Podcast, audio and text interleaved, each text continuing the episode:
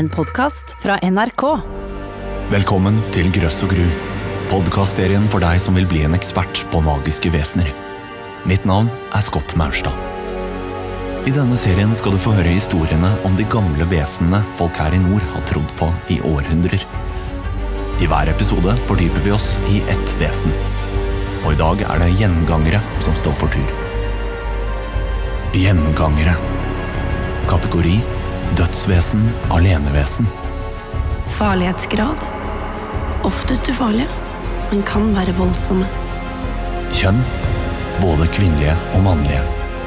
Beskrivelse. Ånden til døde mennesker som spøker fordi de har noe de må gjøre før de kan få fred. Spøker på steder som har betydd noe for dem. Kjennetegn. Uforklarlige lyder, som eksempel banking og hvisking. Følelsen av at noen står helt nær deg uten å synes. Hårene på armene og i nakken reiser seg. Plutselig temperaturfall.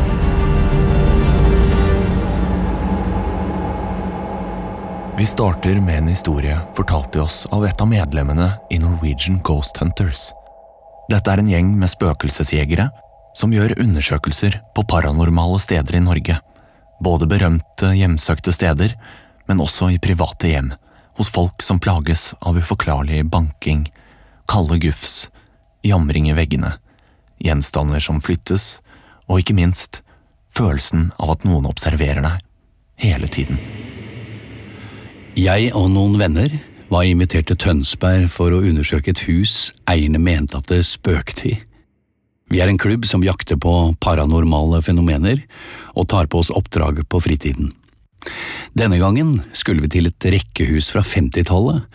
Egentlig ikke et typisk spøkelseshus sånn som man ser på film, men menneskene som bodde der følte seg hele tiden overvåket og iakttatt av noe. Og i tillegg var det masse banking i veggene som de ikke kunne forklare. Og vi var en gjeng der om kvelden, tre–fire stykker. Vi satte opp kameraer og forskjellig opptaksutstyr i alle rom. Og så skrudde vi av alt av lys. Det er viktig at det er helt mørkt når vi skal jakte på spøkelser, slik at ikke utstyret slår ut på lysskygger og andre normale ting. Det begynte med utslag på det elektromagnetiske utstyret, som kan være et tegn på at det er noe i rommet. Vi var der i flere timer, og etter en stund la jeg meg ned på en seng, og stadig slo det ut signaler. Så skjer det. Plutselig legger noen seg ved siden av meg i sengen. Jeg kjenner trykket i madrassen av et annet menneske og reiser meg fort opp, men det er ingen der. Sengen er helt tom, men jeg kjenner at det ligger noen der. Akkurat da fanger radioskanneren opp masse frekvenser, og så hører vi ordene klart og tydelig ved siden av. Vi har det på opptak den dag i dag, og opplevelsen gir meg fortsatt gåsehud. Mange forbinder gjengangere og spøkelser med forfalne kirker og graver som åpner seg på kirkegården mens månen skinner, eller gjenferd i luftige gevanter og raslende lenker som beveger seg i mørke korridorer på herskapelige slott, men det er mest på film. I Norge var gjengangerne mye mer jordnære. De gikk omkring blant folk og kunne snakkes til, eller kan snakkes til. For det er jo ingen som med sikkerhet kan si at det ikke fins gjengangere i våre dager også. De siste årene har både filmer og bøker om Snåsamannen og programmer som Åndenes makt og Ghost Hunters blåst liv i de gamle mytene om spøkelser og overnaturlige fenomener blant nordmenn. I 2015 skrev The New York Times at nordmenn tror mer på spøkelser enn på Gud. Og i samme år viste en undersøkelse utført av VG at halvparten av befolkningen tror at enkelte mennesker har helbredende evner. Det er mange som hevder at de har ulike former for bevis på at de har truffet et spøkelse. På et museum i Sverige finnes det et gammelt svart-hvitt foto av en mann som hadde et heftig møte med et gjenferd. Du skal få høre historien om dette nå. Sagnet om den trange likkisten. I Gällivare, langt nord i Sverige, bodde det en gang en snekker. Han var en sur og sint fyr som folk i bygda nesten var litt redde for. En dag fikk han i oppdrag å snekre en kiste til en gammel kvinne som nylig hadde dødd. Denne kvinnen hadde vært en gammel krok som hadde gått med stokk hele livet, fordi det ene kneet var ødelagt, og det ene benet var kortere enn det andre. Da snekkeren la den døde i kista, oppdaget han at den var for liten. Det lengste beinet med det ødelagte kneet stakk opp sånn at han ikke fikk på lokket. Snekkeren ble helt rød i ansiktet og bannet og kalte den stakkars døde kona de grusomste ting. Til slutt dyttet han beinet ned så hardt at det brakk. Så spikret han igjen kistelokket. Da han er på vei hjem den kvelden, hører han en uhyggelig, knirkende lyd bak seg. Men når han snur seg, er det ingenting å se. Snart skjønner snekkeren at det er gjenferdet av den døde kona som følger etter han. Knirkingen kommer fra stokken hver gang hun setter den ned på den snødekte bakken. Til slutt snur snekkeren seg og roper Se til faen og stikk, din dauing! Knirkingen stopper brått, og en stemme svarer Først skal du be om unnskyldning for at kista var for trang. Snekkeren fnyser og svarer Dra til helvete! Jeg er ikke redd for krøplinger som deg. Men det skulle han aldri ha sagt. I neste sekund hopper gjengangeren på han, og det blir et voldsomt slagsmål. Hele natta gjennom holder de på. Først da natt blir til dag, forsvinner gjengangeren med en ondskapsfull latter, mens hun sier Nå får vi se om noen kjenner deg igjen med det ommøblerte trynet ditt. Tilbake på bakken lå snekkeren, fullstendig slått ut og med et blodig ansikt. Munnen hadde havnet oppe ved venstre øre, nesa ved det høyre øret, og øynene skjelte sånn at han ikke kunne se rett fram. Og sånn ble han seende ut resten av sine levedager. På museet i Gjellivare fins et gammelt svart-hvitt-foto av snekkeren med det forvrengte ansiktet. Museet har laget postkort av fotoet, og de kan kjøpes i museebutikken. Men før jeg forteller videre om gjengangere, eller gjenferd eller spøkelser, tar vi en liten faktastopp. I hver episode presenterer jeg noen utvalgte ting folk før i tiden brukte i magiske ritualer. De fleste brukte både svart og hvit magi. Med svart magi ville man skade noen eller fremkalle ulykker, og den hvite brukte man for å hjelpe, eller helbrede eller beskytte noen. Salmebok Guds ord ga beskyttelse mot ondskapsfulle vesen, og de kunne både sies og synges. Derfor var både salmeboka og Bibelen viktige for folk før i tiden. Men disse bøkene hadde magisk kraft i seg selv også. Folk bar dem gjerne med seg, hadde dem under hodeputa, la dem i vinduskarmen, eller rev ut noen sider og hang dem opp på veggen. Tilbake til gjengangere.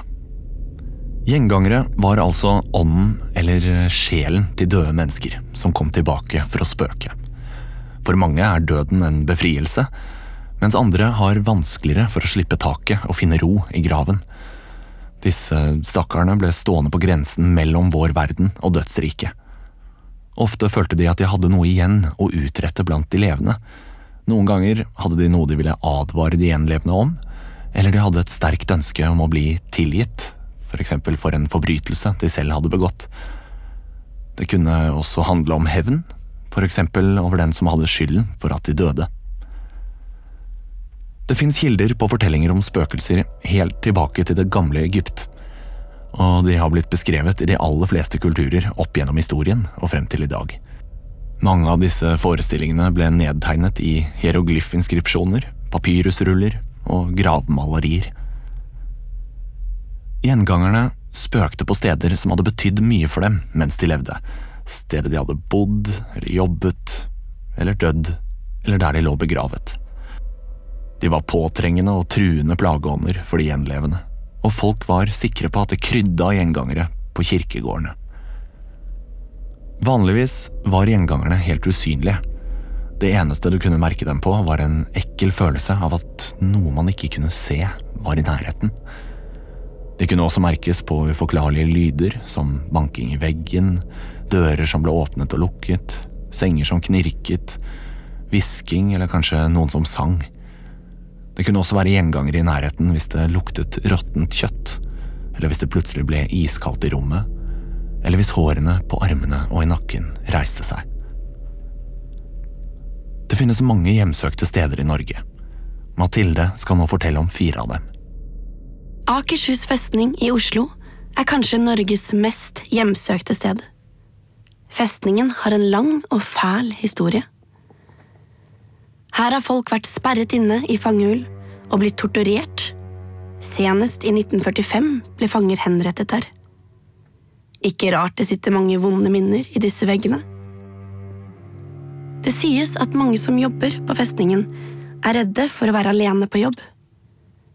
Hvisking og uforklarlige dytt i ryggen når du vet at du er helt alene i rommet, kan få den tøffeste til å bli skjelven i beina.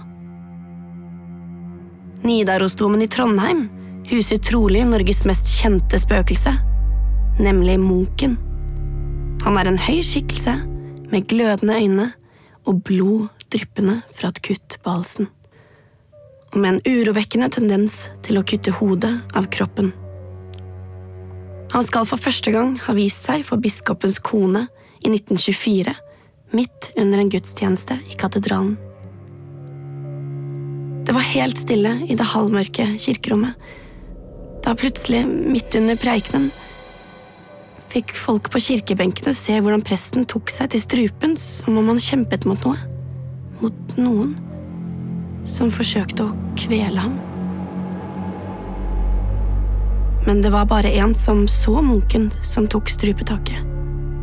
Som så mannen med det herjede, forpinte ansiktet og øynene som var svarte av fortvilelse. Det var biskopens kone, Marie Gleditsch. Gjennom årene har flere besøkende fortalt sine historier om hva de har sett og hørt rundt og i kirken. Du kan jo sjekke selv. Han skal være høy og pen, hvis du skulle være i tvil. I kirkeruinene på Nes i Akershus har det i mange år blitt fortalt om overnaturlige hendelser. Mytene er mange rundt disse ruinene. Blant annet skal presten Finkenhagen ha hengt seg inne i kirken. Et brudepar skal ha druknet i elven rett nedenfor. Og et uvær er grunnen til at kirken brant ned og i dag bare er ruiner. Ivrige spøkelsesjegere forteller om usynlige krefter som kaster deg i bakken. Lommelykter som slutter å funke, og at elektronikken i bilen slår seg vrang. Lys begynner plutselig å blinke, og sentrallåser nekter å låse seg opp. Det er faktisk blitt såpass mange som har opplevd paranormale fenomener her, at det utenfor ruinene er skiltet med åndelig aktivitet. Mentalsykehuset i Lier har holdt dørene stengt siden 80-tallet. Men på 70-tallet var det stor aktivitet her. Metodene de brukte, var brutale her ble både LSD, et livsfarlig narkotisk stoff, og lobotomi, en operasjon i hjernen som gjorde pasientene sløve som grønnsaker, brukt på psykisk syke pasienter. Her var det mange tragiske skjebner, og sikkert mange som ville hevne seg etter at de døde. Det holder å stå utenfor sykehuset. Hår som reiser seg i nakken, og kalde gufs garantert. Flere ungdommer har i senere tid fortalt om hyggelige erfaringer derfra. En har hørt skritt i gangene og fått uforklarlige kloremerker i ansiktet. På bilder fra sykehuset har man sett skygger av menneskelignende skikkelser. Gjengangere kunne opptre i mange skikkelser. Vi hører om skjelett, hvite skikkelser, røykskyer, dyr eller eh, hodeløse mennesker. Det vanligste var allikevel at de så ut som de gjorde mens de levde, bare at kroppen var gjennomskinnelig og ansiktet sykelig gulblekt. Ofte viste de seg bare for dem som kunne kjenne dem igjen. De som møtte gjengangerne, skulle opptre rolig og spørre vennlig om de kunne hjelpe til med noe. Da kunne gjengangeren fortelle hva de ville, og forhåpentligvis få fred i graven så de kunne slutte å spøke. Men det var ikke ufarlig å slå av en prat med en gjenganger. Ikke sjelden ble de som gjorde det, sengeliggende med høy feber i dager og kanskje uker. Gjenferdene kunne også deles inn etter hvilken sans mennesket oppfattet dem med. Det er dem du hører, dem du ser, de som tar i deg, de som gir seg til kjenne som en lukt, og de som gir en en sterk følelse av at de er der. I Bergen fortelles det om gutten som man kan høre gråte fra midten av Svartediket. En historie jeg aldri glemmer, er fortellingen om en far som hadde med sin seks år gamle sønn på isfiske. Dette skjedde tidlig på 1900-tallet ved innsjøen Svartediket. Drevet av sult gikk de ut midt på isen og hugget et hull stort nok til å slippe ned en line med agn på. Da det begynte å skumre, bestemte de seg for å gå mot land igjen, og plutselig går faren gjennom en dyp isbrekk, ikke langt fra hullet de hadde sittet ved. Kroppen hans blir dratt under isen på få sekunder. I ren panikk svømmer faren under vann mot lyset fra det lille hullet. Det iskalde vannet nærmest lammer den store kroppen, og han sliter med å presse seg gjennom hullet. Han snakker rolig til sønnen og ber han holde hodet hans oppe så lenge som mulig mens han forsøker å heise seg opp av vannet etter armene. Sakte, men sikkert tappes han for krefter, og livet forlater den nedkjølte kroppen hans. Men gutten på land slapp aldri taket i faren sin.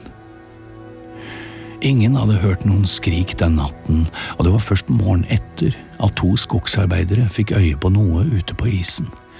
Det var et grusomt syn som møtte dem. Der, midt ute på vannet, var gutten frosset fast til sin fars døde hode i en evig omfavnelse. To kråker hadde forsynt seg grovt og hakket ut øynene på faren. Nå var det bare to uthulte, blodige søkk inni skallen hans igjen. Med øks måtte skogsarbeiderne hogge av de små armene til gutten. Deretter kappet de av hodet på mannen, slik at kroppen hans skulle få synke ned i svarte dikket. Gutten var så vidt i live når de bar ham til land. De to tømrerne fortalte senere at de aldri vil glemme de fortvilte øynene til gutten og tårene gjennom natten som han frosset til is på kinnet hans. De satt med ham på stranden til de var sikre på at han var død. Deretter tullet de ham inn i et ullteppe og skjøv ham forsiktig inn under isen. I ettertid har folk fortalt at dersom du hørte gråt fra midten av diket, da ville det bli is på Svarteviket over natten. Menneskenes forhold til døden før i tiden var motsetningsfylt. Samtidig som man ville ha kontakt med døde slektninger for å få trøst i sorgen, var nok de fleste livredde for gjengangere. Derfor hadde man forskjellige ritualer for å forhindre at de døde skulle komme tilbake som spøkelser. Sånne ritualer kunne være å være stille rett før og etter noen døde, for å ikke forstyrre når sjelen skulle skilles fra kroppen, og lukke munnen og øyelokkene til den døde så han eller hun ikke skulle ta med seg flere i graven. Eller lage en kiste som passet akkurat, ikke for stor, for da var det plass til flere som den døde kunne ta med seg, og ikke for liten, for da kunne den døde bli sint og komme tilbake. Man kunne spenne den døde fast i kista med reimer og kroker. Eller knytte sammen stortærne, eller stikke nåler under føttene så det skulle være vanskelig å gå. Man kunne bære liket ut av huset med beina først, sånn at den døde ikke skulle se døra og komme tilbake igjen. Eller man kunne brenne opp rester etter den døde, som negler, hår, blod, svette og avføring. Disse tingene kunne være nok til at de underjordiske fikk makt over ham eller henne i døden. Hvis det var et dårlig menneske som skulle begraves, måtte man gå hardere til verks. Man kunne legge glødende kull under hodeputa, eller man kunne hogge hodet av den døde og legge det ved føttene i kista, eller jordfeste den døde ved å kjøre en trepåle gjennom både kroppen og kista, sånn at den døde ikke kunne stikke av. For at sjelen skulle få ro etter døden, var det viktig å bli begravd på kirkegården. Men noen mennesker var ikke ønsket der. De som hadde levd et liv i synd, for eksempel forbrytere, udøpte barn, eller de som hadde tatt selvmord, de ble begravd utenfor kirkegårdsmuren, eller dumpet i et tjern. Etter hvert ble loven endret, sånn at disse fortapte sjelene også kunne få sin siste hvile på kirkegården. Men ikke tro at det ble helt likt allikevel. Dette var det de kalte stille begravelser, altså uten salmesang og klokkeklang. Og gravene deres ble lagt til de mest skyggefulle og dårligste plassene på kirkegården. Sagnene om gjengangerne ble fortalt for at man skulle bli minnet om å leve som gode mennesker og behandle de døde med respekt. Hvis man ikke gjorde det, kunne det straffe seg, både for den døde og for dem som var igjen. Nå skal jeg straks takke for meg, men ikke før du har fått med deg noen magiske triks, som kanskje er litt ekle, men lett tilgjengelige. Noen av de magiske knepene folk i gamle dager brukte, inneholdt ekle ting, som svette, blod, tiss, spytt og bæsj. I dagens episode skal vi ta for oss blod. Folk trodde at for tjukt blod var grunnen til mange sykdommer. Derfor var årelating vanlig, vil si at man åpnet opp en blodåre i armen og lot det syke blodet renne ut. Ofte kunne det komme mange kopper med blod ut av et stakkars menneske. Var heller ikke uvanlig å bruke blodsugende igler, som med de tre kjevene sine beit seg gjennom huden og sugde. Det er bare å google et bilde av en blodigle. Ekle greier å ha hengende på kroppen. Blod fra mennesker som var blitt dømt til døden og hengt, hadde ekstra sterk magisk kraft på sykdommer som epilepsi, blindhet, hudsykdommer og kramper. Det var ikke uvanlig å se folk med magiske evner stå klare med bøtter og spann for å fylle dem med varmt blod fra en dødsdømt som akkurat var blitt hengt. Blod fra venstre lillefinger kunne brukes hvis man skulle lage et magisk vesen, f.eks. en trollhare. Mensblod kunne kurere vorter, utslett, øyesykdommer og problemer med å tisse. Grøss og gru er produsert for NRK av Svarttrost Produksjoner. Mitt navn er Scott Maurstad. Du hørte også stemmen til Mathilde Storm og Dennis Storhøy. Denne serien er bygget på den svenske bokserien Vesenologi av Ingela Korsell. Manusforfatter er Ingrid Greaker Myhren. Musikk, klipp og lyddesign er gjort av Peter Baden. Redaktør i NRK er Gitte Kalmeier.